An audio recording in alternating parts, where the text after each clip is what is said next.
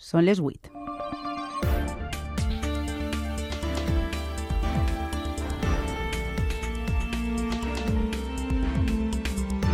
A punt. Les notícies de la nit. Amb Alba Requejo. Bona nit. La Guàrdia Civil investiga cinc menors per falsejar amb intel·ligència artificial fotografies de dones i xiquetes nues. Obtenien les imatges de les xarxes socials de les víctimes i usaven esta tecnologia per a deixar-les nues. Després distribuïen les fotos a través de grups de WhatsApp i altres ferramentes de missatgeria instantània. De les 17 xiques afectades, 13 són menors. La veu d'alarma la van donar les direccions dels dos instituts d'educació secundària on les xiques van a la província de València el novembre passat. Als cinc xics se'ls acusa d'un delicte de revelació de secrets per modificar fotografies obtingudes de les xarxes i difondre-les. Les diligències s'han entregat ja a la Fiscalia de Menors de València. Al setembre hi hagué un episodi molt similar a Extremadura que va afectar desenes de xiquetes. De seguida els donem més dades. Repassem abans altres continguts destacats de l'informatiu d'avui, que serà de 25 minuts pels compromisos esportius. Sara Garcia, bona nit. Bona nit, Alba. En el control tècnic Herminio Lozano, anem amb tot.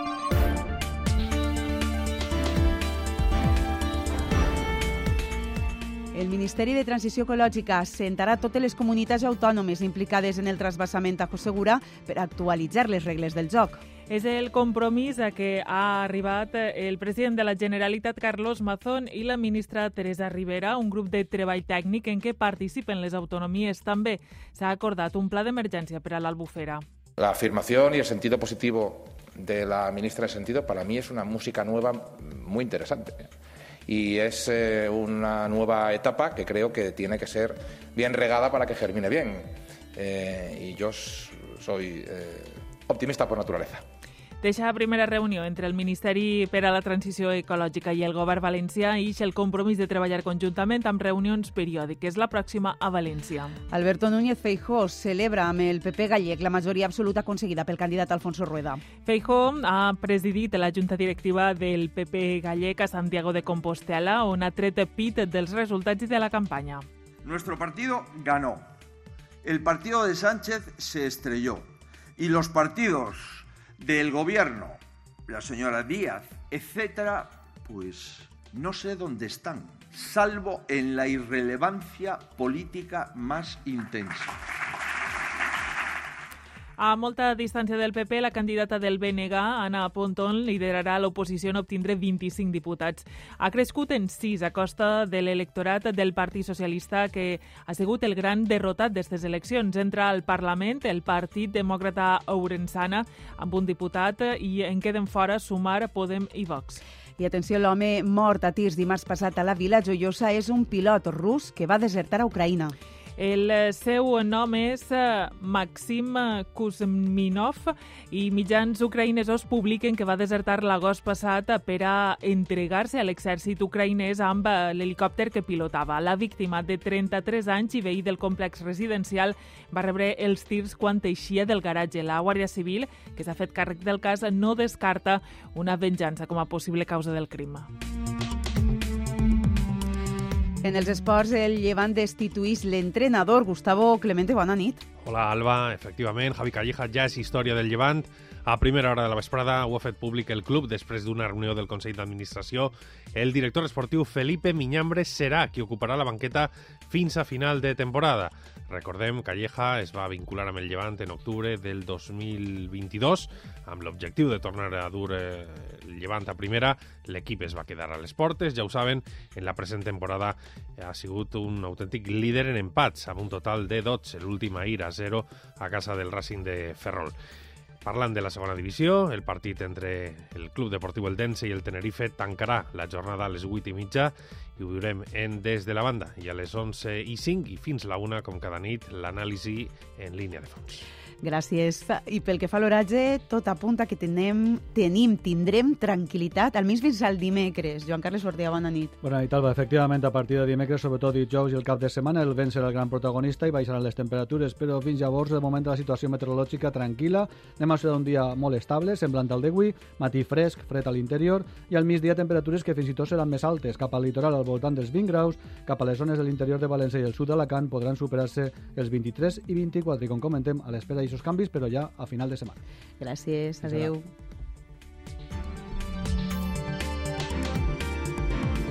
Escoltes a punt. Les notícies de la nit.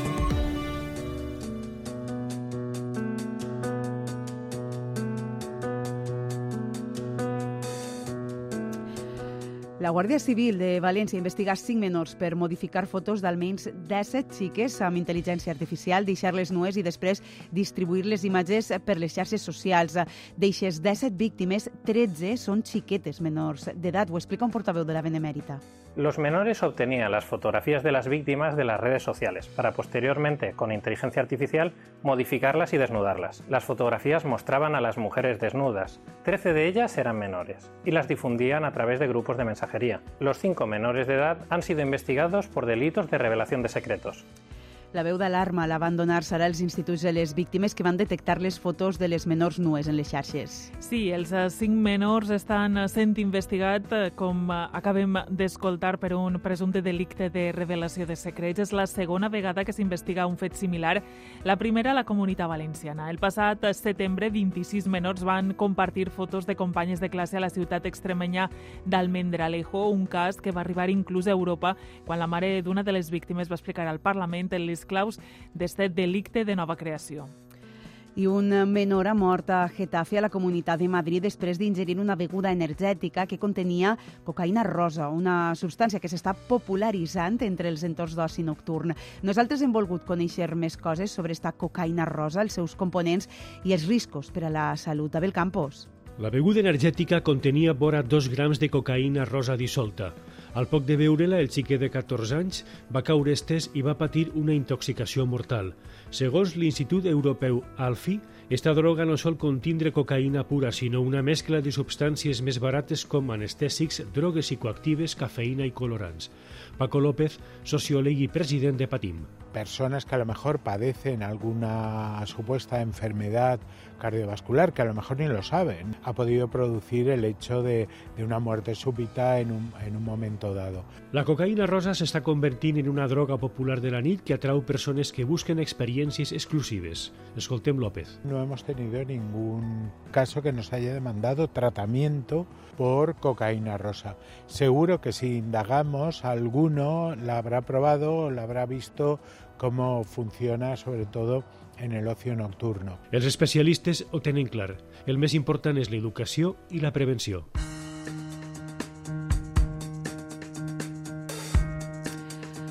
Són les 8 i 7 minuts. L'home mort a tirs dimarts passat a la Vila Joiosa és un pilot rus que va desertar d'Ucraïna. Anem a Alacant, Zaida Ruiz. La intel·ligència militar ucraïnesa confirma la mort d'un pilot rus de 28 anys que a l'agost passat va desertar de la guerra. Segons Ucraïna, la seva identitat coincidiria amb la de l'home mort a tirs la setmana passada en una urbanització de la cala de la Vila Joiosa, a la Marina Baixa. Segons mitjans ucraïnesos, es tractaria de Maxim Kuzminov. El pilot va assegurar que no estava d'acord amb la invasió russa d'Ucraïna i que no volia ser còmplice dels crims russos. La Guàrdia Civil ja ha obert una investigació complementària per esclarir els fets. I troben el cadàver d'un home de 80 anys surant en aigües del port d'Alacant. La Guàrdia Civil ha iniciat una investigació per a determinar com van ocórrer els fets.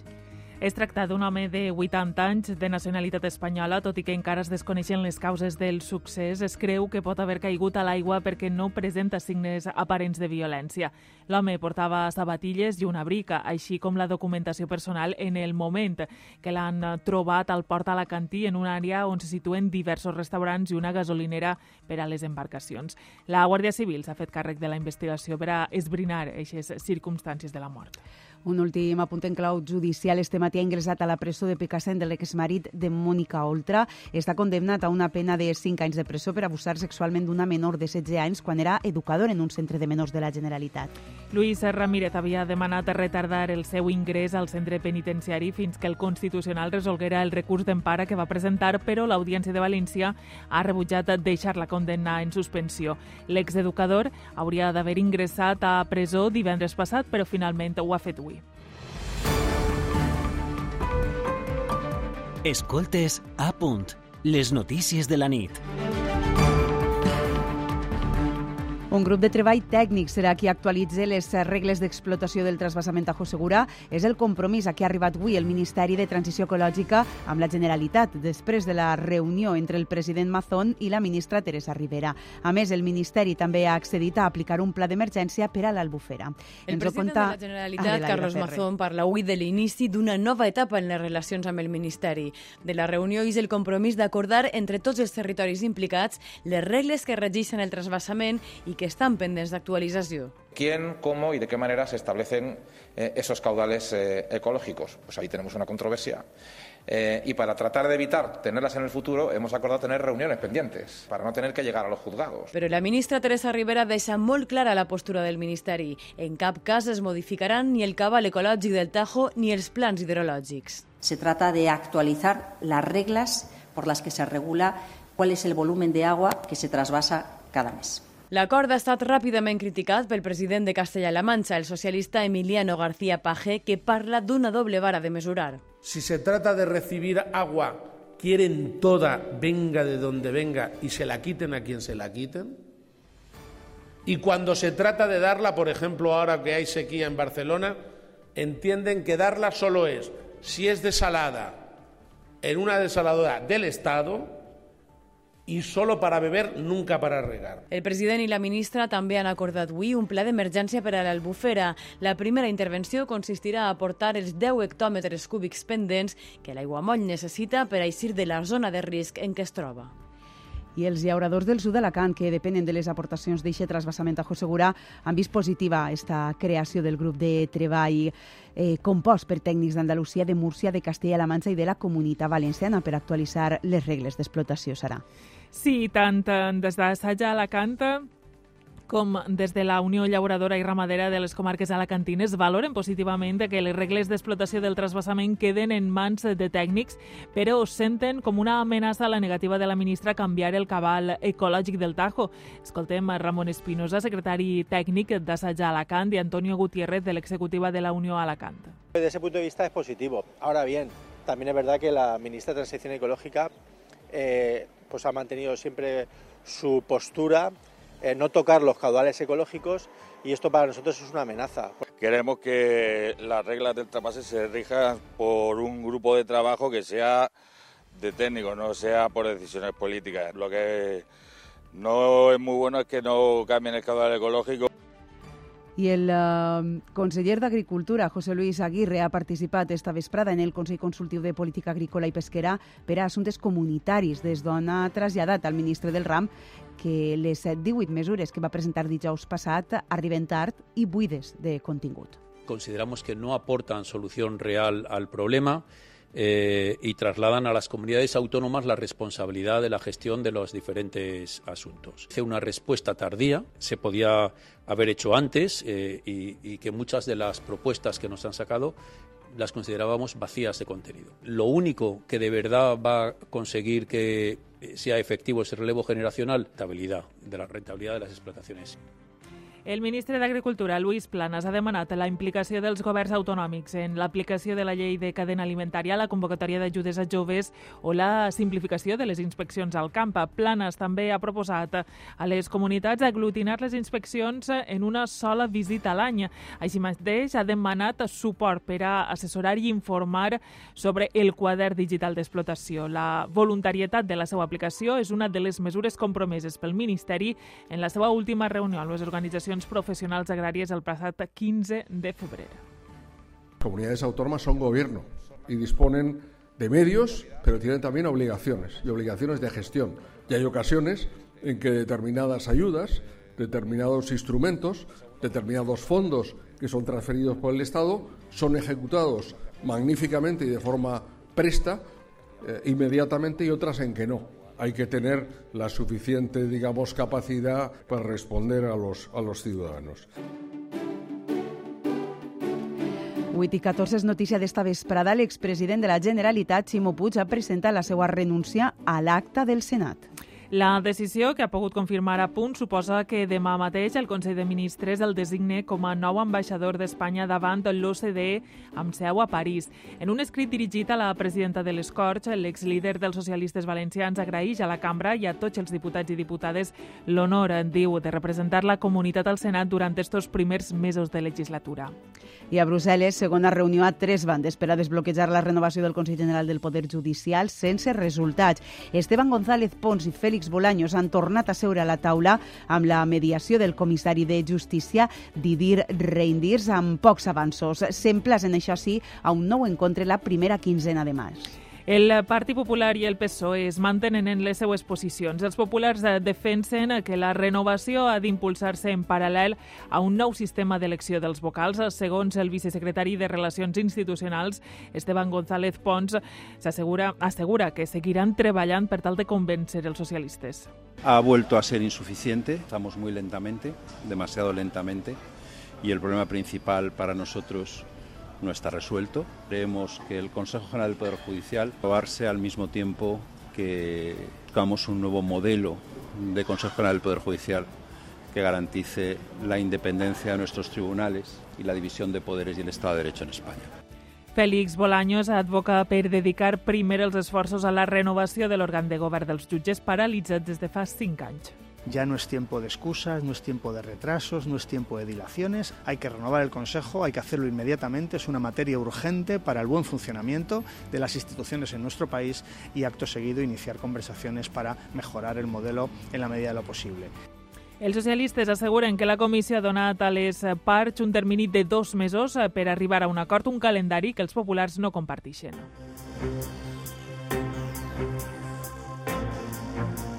L'endemà de les eleccions a Galícia, els principals partits fan balanç. El Partit Popular ha exhibit múscul després d'haver aconseguit la cinquena majoria absoluta consecutiva, tot i que en per dos obté 40 escons del 75 que té el Parlament gallec. Les eleccions també s'han llegit com un plebiscit al lideratge d'Alberto Núñez Feijó, que esta vesprada ha participat en la Junta Directiva del PP gallec. Xavi Carrau, Santiago de Compostela, bona nit. Sí, Alba, bona nit des de Santiago de Compostela. Tant Alberto Núñez Feijó com Alfonso Rueda han tret pit de la nova majoria absoluta esta vesprada sí a la capital gallega, sobretot després de la debacle socialista i de que els socis del president Sánchez de la Moncloa, Sumar, no hagin aconseguit ni el 2% dels vots. Tant Feijó com Rueda han dit que han aconseguit parar els peus a Sánchez i als seus socis nacionalistes i independentistes. Asseguren que els seus pactes els han portat a la irrellevància política. Escoltem al president gallec Rueda i al president popular Feijó. Creo que ayer dijimos claramente que Galicia le daba un frenazo en seco a Pedro Sánchez y a sus socios nacionalistas, aquí en Galicia especialmente. Nuestro partido ganó. El partido de Sánchez se estrelló. Y los partidos del gobierno, la señora Díaz, etcétera, pues no sé dónde están, salvo en la irrelevancia política más intensa. Des del PSOE intenten desvincular estos resultats electorals de l'amnistia, però veus crítiques com la del president castellano-manxec, Paje, demanen una profunda reflexió per a evitar, diu, un cicló que acabe amb el partit. De fet, els nacionalistes del BNG han sigut els grans beneficiats de la debacle socialista. Han sumat els cinc diputats que perden i avui la seva candidata, Anna Pontón, ha assegurat que amb 25 diputats són ja l'alternativa de govern al PP a Galícia. El triomf popular a Galícia dona tranquil·litat als populars valencians que interpreten aquesta victòria com una bala a les polítiques que aplica Amazon. Des de Compromís es miren l'espí del BNG. La coalició es planteja ara amb qui presentarà a les eleccions europees de juny. Per als socialistes valencians els resultats no són extrapolables. Víctor Vidal. Al PP valencià els resultats de Galícia deixen tranquil·litat i satisfacció. Consideren que el triomf dona estabilitat a Feijó, més pes als barons territorials i una bala a les polítiques del Consell, com diu Miguel Barrachina, síndic popular. Compartimos también con nuestros compañeros gallegos políticas como las puestas en marcha por Carlos Mazón de bajada de impuestos o de una administración eficaz. Per als socialistes valencians els resultats no són extrapolables. José Muñoz, síndic socialista, creu que amb Diana Morant poden aspirar a tornar a la Generalitat. Que las extrapolaciones son odiosas. Aquí en la comunidad valenciana lo que ocurre es que la alternativa útil de gobierno a Amazon es el Partido Socialista. Des de Compromís volen mirar-se en l'espill del BNG. La coalició ha de decidir com es presenta a les eleccions europees. Una part defensa anar amb sumar, però la derrota en Galícia pot condicionar una futura candidatura. Joan Baldoví, síndic de Compromís. Valorarem totes les opcions eh, que estiguen damunt la taula, però sempre, sempre, sempre tenint en compte que per a nosaltres és absolutament fonamental el valencianisme, els interessos valencians estiguen ben representats a Europa. I en Vox no volen fer cap lectura territorial i es limiten a dir que és un mal resultat per a Vox i per a Espanya. A punt. Les notícies de la nit. El nombre de compradors estrangers de vivenda habitual a la comunitat valenciana supera ja el 40%. Són dades que ha publicat avui la patronal de les immobiliàries i que ens conta Magda Nicolau. Dos de cada cinc persones que han comprat una vivenda a la comunitat valenciana l'any passat són estrangeres. Britànica, belga i alemanya són les principals nacionalitats, però cada vegada se'n sumen més. Nora García Donet és la presidenta de l'Associació d'Immobiliàries Valencianes. Hem notat un tiro fort dels, dels compradors estrangers i que ja són de totes les nacionalitats, perquè antes venien els anglesos, els francesos, però és que ara venen de totes parts del món. L'edat mitjana del comprador d'habitatge se situa en els 43 anys. Són sobretot famílies amb fills i més de la meitat propietaris que busquen una casa més gran. Són gent que havien comprat la seva primera vivenda, normalment dos habitacions o de tres però molt xocotet, després tenen fills, necessiten més espai i fan el canvi. Entonces la primera vivenda serveix com a vendre-la per a donar-la entrar per a la següent vivenda que compren. Els xicotes propietaris són els principals venedors de vivenda. Liquidar una herència és la primera causa per atraure-la al mercat immobiliari a la comunitat valenciana. Les notícies de la nit. Les autoritats russes diuen que la investigació forense per a determinar les causes de la mort de Navalny es prolongaran almenys dues setmanes més. Per a la família del líder opositor, Putin l'ha assassinat i tracta de guanyar temps fins que se celebren les eleccions presidencials del país. Ens ho conta Arturo Monedero. La portaveu del líder opositor difunt argumenta que l'autòpsia és només un pretext i que retenen el seu cos per amagar el rastre del seu assassinat fins a la celebració de les eleccions russes. Vladimir Putin. Yulia, la viuda de Navalny, assegura que Putin va matar el seu marit i que no es rendirà, que continuarà amb el seu legat i lluitant pel país. Els càrrecs de les institucions europees l'han rebuda coincidint amb la cimera de ministres d'Afers Estrangers i l'han traslladat total suport. El cap de la diplomàcia europea ja ha comunicat que aprovaran un nou paquet de sancions contra Rússia amb total seguretat. I Joe Biden ha anunciat que consideren també l'aplicació de multes addicionals. I a la guerra a Gaza, avui tribunals el Internacional de Justícia ha començat a estudiar la demanda presentada per 52 països, entre els quals Espanya, on denuncia l'ocupació israeliana de territoris palestins. La denúncia es va presentar ja abans de la guerra. Rafa Salom. Però la situació del terreny fa impossible no comentar l'actualitat. El ministre d'Exteriors de l'autoritat palestina davant el màxim tribunal de Nacions Unides ha assegurat que avui el poble palestí ha de decidir entre ethnic cleansing, apartheid or genocide. Neteja ètnica, apartheid o genocidi.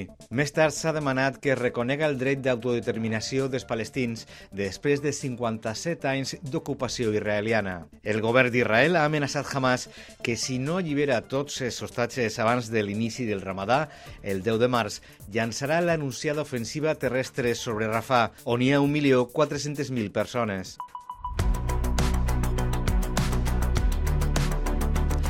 La Comissió Europea posa la lupa sobre TikTok. La xarxa social serà investigada per a veure si ha infringit la llei de serveis digitals en àmbits relacionats amb la protecció de menors, amb la transparència publicitària o els continguts que puguen fer mal als usuaris. El gegant internacional ara es podria enfrontar a multes econòmiques de fins al 6% de la seva facturació global, que, clar, és astronòmica. Sí, ens eh, pot semblar que això d'un 6% eh, pot quedar-se curt, però realment parlem de facturacions de milers de milions d'euros i les veus expertes en màrqueting digital diuen que d'esta forma TikTok podria autocontrolar-se. Escoltem a Miguel Florido, és director de l'Escola Marketing en Web. Ahora, ahora, ¿no? Al final, todo el tema de normativa europea siempre va como con tres o cuatro años de retraso hasta la fecha. Las multas eran tan absurdas, le daba exactamente igual, ¿no? ¿Qué es lo que han querido cambiar ahora? Pues incrementar el valor de esas multas hasta un 6% de la facturación anual, que eso ya le pica. Nascuda l'any 2017 a la Xina, la xarxa TikTok ha aconseguit 2.000 milions de descàrregues i és la preferida entre el públic més jove. Això la posa en el centre de la diana de les preocupacions de pares i mares. Tengo a la niña que está picada, vamos. Puh, que da gusto. Esta tiene 11 y, tengo, y hay otra con 18 que aún está más. Perquè no saps qui està darrere o qui està mirant-la o qui pot ser amiga y no es amiga. Pueden estar sin ropa, sin camisa o algo y pueden hacer otro tipo de video y usan pues la imagen de tus hijos. Des d'organitzacions com Save the Children ens diuen que l'últim informe de la Comunitat Valenciana replegava més de 400 denúncies en l'entorn digital. Rodrigo Hernández n'és el director a la Comunitat Valenciana denúncies en internet eh, on la víctima era un xiquet i sobretot xiquetes i xiquetes, l'entorn digital pot ser realment perillós per als adolescents. Estem parlant d'addiccions, estem parlant de contingut, d'accés a contingut eh, no desitjable, estem parlant de molta informació i poqueta, poquet cap per a triar el que està bé i el que està mal. Les veus expertes tornen a fer una crida a l'educació a casa i els controls parentals.